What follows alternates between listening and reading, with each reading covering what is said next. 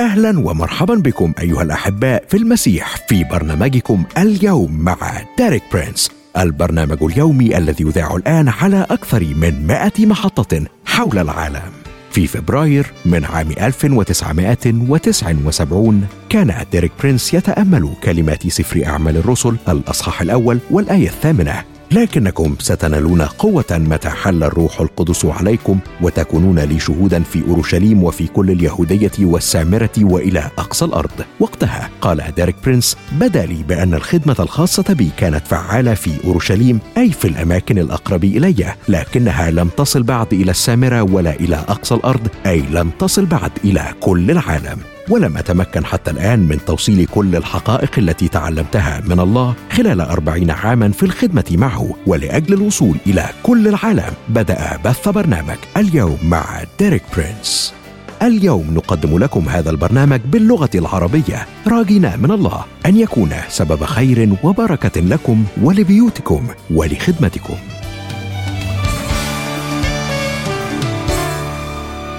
أهلا بيك صديقي المستمع في حلقة جديدة من برنامجنا اليوم مع ديريك برينس. معك أشرف ومريم. أهلا يا مريم. أهلا بيك يا أشرف وأهلا بصديقنا المستمع. زي ما انت عارفة يا مريم إن بعد عيد الميلاد بيكون في وقت مش طويل وبيجي عيد القيامة. كل سنة وانت طيبة. وأنت طيب يا أشرف. عارف الوقت ده بيكون مميز قوي لأن المؤمنين في كل العالم بيتجمعوا علشان يحيوا ذكرى موت وقيامة ربنا يسوع المسيح. علشان كده يا مريم في حلقتنا النهاردة والحلقات اللي جاية هنكون بنتكلم في موضوع هيساعدنا نفهم وهيوضح لينا السبب الحقيقي لموت يسوع. شوقتني لأننا نبدأ الموضوع يا أشرف. أنا كمان متحمس جدا إننا نمشي مع بعض ومع ديريك المشوار ده. تعالي بينا نروح نبدأ حلقتنا مع ديريك وهو بيعرفنا عن موضوع حلقتنا النهاردة والحلقات اللي جاية. يلا بينا. الموضوع الذي اخترته لوقت عيد القيامة هو هويتنا في المسيح. حتى يمكن أن يكون لك هوية في المسيح تحتاج أن تكون واحدا معه أن تتحد به. هذا المفهوم للمعرفة والاتحاد هو بمثابة مفتاح فهم رسالة القيامة. هناك جانبين لهذه العملية من الوحدة مثل وجهين لعملة واحدة وكلاهما مرتبطين بيسوع. من جهة اتحد يسوع بنا نحن الخطاة. اتحد بكل الجنس البشري الساقط. ومن الجهة الأخرى نحن مدعوون لنتحد بيسوع في كل ما يتبع موته أي دفنه قيامته وحتى صعوده وجلوسه على عرش الله. في حلقة اليوم سوف نبدأ بالنظر إلى الوجه الأول من العملة. اتحاد يسوع بنا. هل توقفت من قبل لوهلة لتتأمل في اللقب الذي أطلقه يسوع على نفسه في أغلب الأحيان؟ إذا كان متاحا لي أن أطلب منكم أن تغامروا وتجيبوا أعتقد أن الكثيرون منكم سوف يأتي بالإجابة الصحيحة. فاللقب الذي استخدمه يسوع في الكثير من الأوقات لم يكن المخلص أو المسيا أو ابن الله بل ابن الإنسان. ابن الإنسان وهو ده عنوان حلقتنا النهاردة. أخدتي بالك يا مريم من الموضوع ده قبل كده؟ إن ابن الإنسان ده كان أكتر لقب قاله المسيح عن نفسه. ولقب ابن الإنسان ده يا أشرف جه تقريبا 80 مرة في الأناجيل وكمان ليه خلفية في نصوص العهد القديم. نلاقي ده في سفر دانيال الإصحاح 7 والأعداد 13 و14 الإصحاح ده بيسجل رؤية عظيمة وجميلة لدانيال عن اللي هيحصل في المستقبل. حاجة متعلقة بإنشاء مملكة مش هتزول أبدا. مملكة هيحكمها حاكم مختار من الله والحاكم ده بقى معروف عند اليهود بالمسيح. لكن في الحقيقة العنوان اللي بينطبق بدقة أكبر على اللي هنتكلم فيه دلوقتي مش المسيا أو اللي معناه الممسوح لكن لقب ابن الإنسان واللي هيكون هو موضوعنا. تعالوا نقرأ الأعداد دي من سفر دانيال إصحاح 7 والأعداد 13 و14 بيقول دانيال كده كنت أرى في رؤى الليل وإذا مع سحب السماء مثل ابن إنسان أتى وجاء إلى القديم الأيام فقربوه قدامه فأعطي سلطانا ومجدا وملكوتا لتتعبد له كل الشعوب والأمم والألسنة. سلطانه سلطان أبدي ما لن يزول وملكوته ما لا ينقرض. تعالي يا مريم نسمع ديريك وهو بيكلمنا أكتر وبالتفصيل عن ابن الإنسان اللي اتذكر في الآية اللي قريناها دلوقتي دي. يلا بينا. أريد أن أقول فقط كلمة أو كلمتين عن اللغة المستخدمة هنا. فقد كنت طالبا أدرس اللغات معظم حياتي إذ درست عددا مختلفا من اللغات اللاتينية اليونانية العبرية والقليل من الآرامية. بالإضافة إلى عدد من اللغات المعاصرة. قد تكون أنت على دراية بهذا أو لا ولكن العهد القديم كما نعرفه وصل إلينا بلغتين معظمه باللغة العبرية ولكن بعض المقاطع كانت باللغة الآرامية والتي كانت لغة سامية أخرى التقطها اليهود أثناء الأسر البابلي. والآن هذا الجزء تحديدا الذي قرأناه من دانيال كتب باللغة الآرامية وليس العبرية. ففي العبرية كلمة ابن الإنسان هي بن آدم والتي تعني ابن آدم. فهي تضع ذلك الشخص في سلسلة النسب من آدم أب الجنس البشري. ولكن في الآرامية فإن كلمة ابن الإنسان جاءت بار أنوش حيث أنوش تعني إنسان وبار تعني ابن بالآرامية. ولكن أنوش تعني إنسان. إذ تعبر بشكل أساسي عن ضعف الإنسان وهشاشته فهي تشير دائما للإنسان باعتباره كائن فاني معرض للضعف. لذا نرى هنا مفارقة متعمدة. فابن الإنسان هذا الهش والضعيف نراه هنا يأتي إلى ذات محضر الله القدير. وهناك يمنح ملكوتا يسود على كل الممالك الأخرى ولن تزول إلى الأبد. وهو ده يا أشرف اللقب اللي قاله يسوع عن نفسه في الإنجيل. ومحتمل جدا المسيح كان بيتكلم بالأرامية.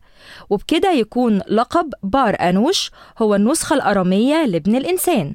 وبالنسبة لليهود اللي كانوا بيسمعوه في أيامه في اللحظة اللي قال فيها كلمة بار أنوش كان فعليا ومن غير شك بيعلن إنه المسيح. يسوع يا مريم استخدم لقب ابن الإنسان لنفسه في سياقين مختلفين. على سبيل المثال في إنجيل متى إصحاح 8 والعدد 20 بيقول كده فقال له يسوع للثعالب أوجرة ولطيور السماء أوقار وأما ابن الإنسان فليس له أين يسند رأسه. وكأنه مشرد من غير بيت يعيش فيه. وفي إنجيل متى إصحاح 20 والعدد 28 بيقول كده قال يسوع كما أن ابن الإنسان لم يأتي ليخدم بل ليخدم وليبذل نفسه فدية عن كثيرين. لكن في نفس الوقت الله استخدم نفس لقب ابن الإنسان وهو بيشاور على نفسه في المجد. في المستقبل لما قال في إنجيل متى إصحاح 16 والعدد 27 فإن ابن الإنسان سوف يأتي في مجد أبيه مع ملائكته وحينئذ يجازي كل واحد حسب عمله. وفي إنجيل متى إصحاح 26 والعدد 64 بيقول كده قال له يسوع أنت قلت وأيضا أقول لكم من الآن تبصرون ابن الإنسان جالسا عن يمين القوة وآتيا على سحاب السماء. وده شبه رؤية دانيال جدا لأنه هناك بيتكلم عن ابن الإنسان في مجده. الكائن اللي أعلن عن نفسه باعتباره الحاكم اللي تم تعيينه من الله لكل الكون. يبان إن في مفارقة كبيرة في الكلام اللي بنقوله ده يا مريم. بس تعالي الأول نروح نسمع ترنيمة مع بعض ونرجع مرة تانية نكمل كلامنا. يلا بينا.